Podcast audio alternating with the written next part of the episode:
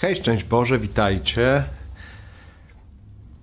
To się działo przed kilku już laty. Niezwykłe spotkanie z dziewczyną, która widziała Jezusa. E, zdaję sobie sprawę, jak to słychać. E, to naprawdę można pomyśleć, e, już gruba przesada,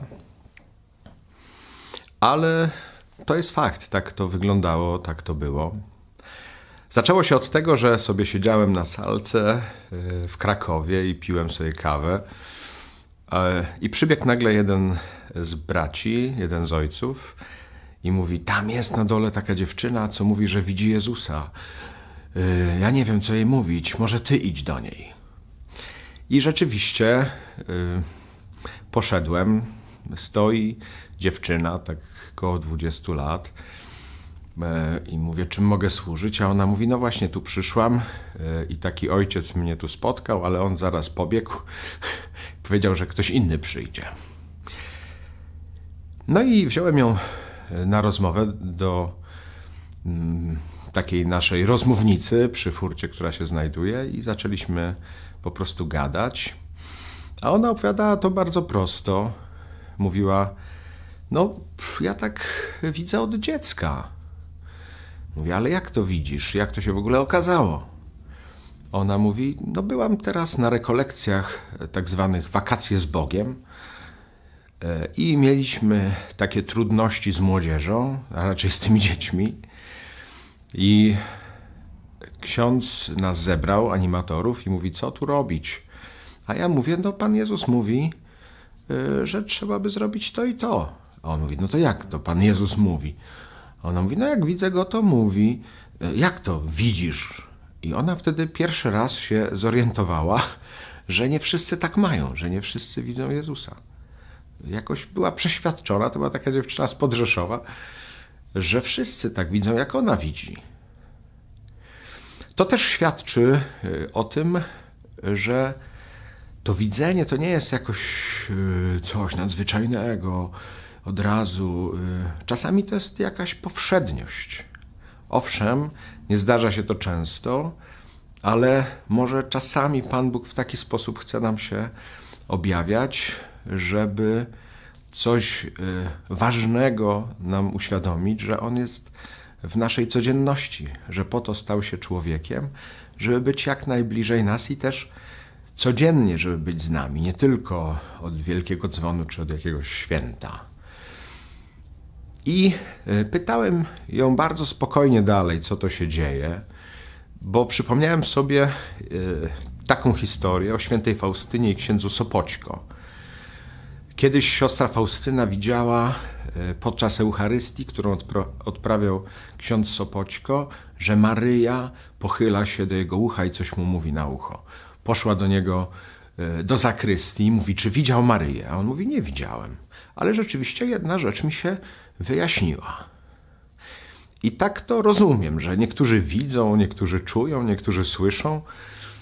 Pewnie możecie o tym też zaświadczyć tutaj gdzieś pod tym e, filmikiem, e, bo wiele takich osób spotkałem, którzy na różne sposoby doświadczają obecności Pana Boga, także w takim sensie fizycznym, ale no właśnie, ona bardzo konkretnie widziała, ta dziewczyna, E, Pana Jezusa, który jej mówił takie rzeczy powszednie. Jak ją dopytałem, co takiego jej mówi, to mówił jej takie zwykłe rzeczy, o których my myślimy, czasami się domyślamy, czasami wnioskujemy, a ona po prostu od Pana Jezusa to y, słyszała. Nie wprowadzało to w niej żadnego niepokoju do tego momentu, kiedy ten ksiądz się przestraszył podczas tych rekolekcji i ona wtedy dopiero pierwszy raz w życiu nabrała wątpliwości. E, I dlaczego trafiła do Dominikanów? Dlatego, że ten ksiądz mówi: Wiesz co, ja się na tym zupełnie nie znam, ale Dominikanie się na tym znają, oni takimi przypadkami się zajmują, bo oni prowadzą te choćby ośrodki informacji o sektach i nowych ruchach religijnych, to na pewno się znają. I ona mówiła, że ona była z Podrzeszowa, nie znała Dominikanów, nie wiedziała, że Dominikanie są w Rzeszowie, a trafiła do Krakowa tylko dlatego, że jej brat e, czekał na wizę, a, do Stanów Zjednoczonych, a ambasada amerykańska jest na ulicy Stolarskiej, czyli na tej, na której znajduje się nasz klasztor. I gdy czekali na tą wizę i chodzili ulicą Stolarską, nagle ona zobaczyła tablicę klasztor Dominikanów i po prostu weszła i spytała, jak już tu jestem, to może się spytam tych Dominikanów e, o te sprawy, e, o które polecił mi się spytać ten ksiądz. I ja jej e, uważnie posłuchałem, zadałem kilka pytań i nie widziałem rzeczywiście niczego, co by mogło być podejrzane. Widziałem duży spokój i tym bardziej ją jeszcze uspokoiłem, że po prostu tak się zdarza. Jest to jakoś wyjątkowe, ale to się może e, zdarzać. Poprosiłem ją tylko, żebyśmy się mogli spotkać jeszcze za rok, żeby zobaczyć, czy coś się w tej kwestii zmieniło. I rzeczywiście ona e, rok później do mnie przyjechała. Spotkaliśmy się, już miała chłopaka. E, opowiedziała mi normalna sytuacja zakochanie, para i tak dalej, sprawy damsko-męskie. E, I Pan Jezus też był w tym obecny. Spytałem tylko jeszcze może o jedną rzecz, powiem o tym, e, bo pamiętam, jak ojciec Joachim mnie o tym kiedyś pouczył, żeby spytać też o diabła. Czy widzi też diabła? Ona mówi: Widzę też jest zawsze obecny. Oczywiście w tym świetle Pana Jezusa on się kurczy gdzieś jest z boku, ale cały czas jest w takiej gotowości, żeby mnie rozpraszać, żeby przeszkadzać. Też spytałem o jeszcze jedną rzecz, y, o której ojciec Joachim mi powiedział. Czy ona widzi wyraźnie jego twarz? Co już się zupełnie rzadko zdarza i wyjątkowo, i gdyby tak było, byłoby to dużo bardziej podejrzane, czy to jest widzenie prawdziwe, czy jak to mówił ojciec Jachim, fałszywka. Ona mówi, nie widzę. Ona widziała, nie, nie znała tego słowa, ale widziała na zasadzie takiej metafizycznej, czyli raczej widziała jakąś obecność, niewyraźnie. Nie widziała wyraźnie e, rysów twarzy, ale wiedziała, miała absolutne przekonanie o tym, że to jest e, Pan Jezus.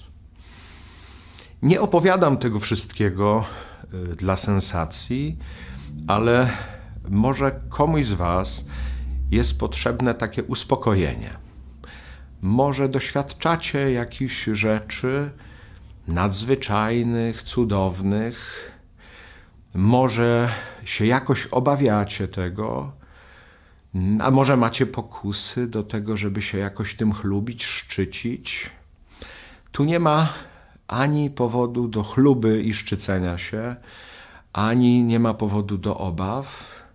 Trzeba trzeźwo na to popatrzeć, znaleźć kogoś, jakiegoś kierownika duchowego, który by z boku jeszcze spróbował to ocenić kogoś mądrego, kogoś roztropnego, kogoś też doświadczonego duchowo, e, żeby ocenił, czy to, e, czego doświadczam, jest autentyczne, czy to jest właśnie jakaś fałszywka, jakieś coś nieprawdziwego, jakieś doświadczenie, które mnie prowadzi w złą stronę albo koncentruje zbytnio na tym, co doświadczam, a nie na Panu Bogu.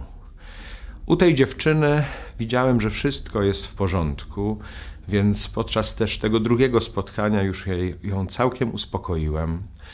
Jeżeli by coś się działo, e, powiedziałem, że może oczywiście zawsze się do mnie odezwać, zawsze do mnie przyjść, ale od tamtej pory już się nie widzieliśmy.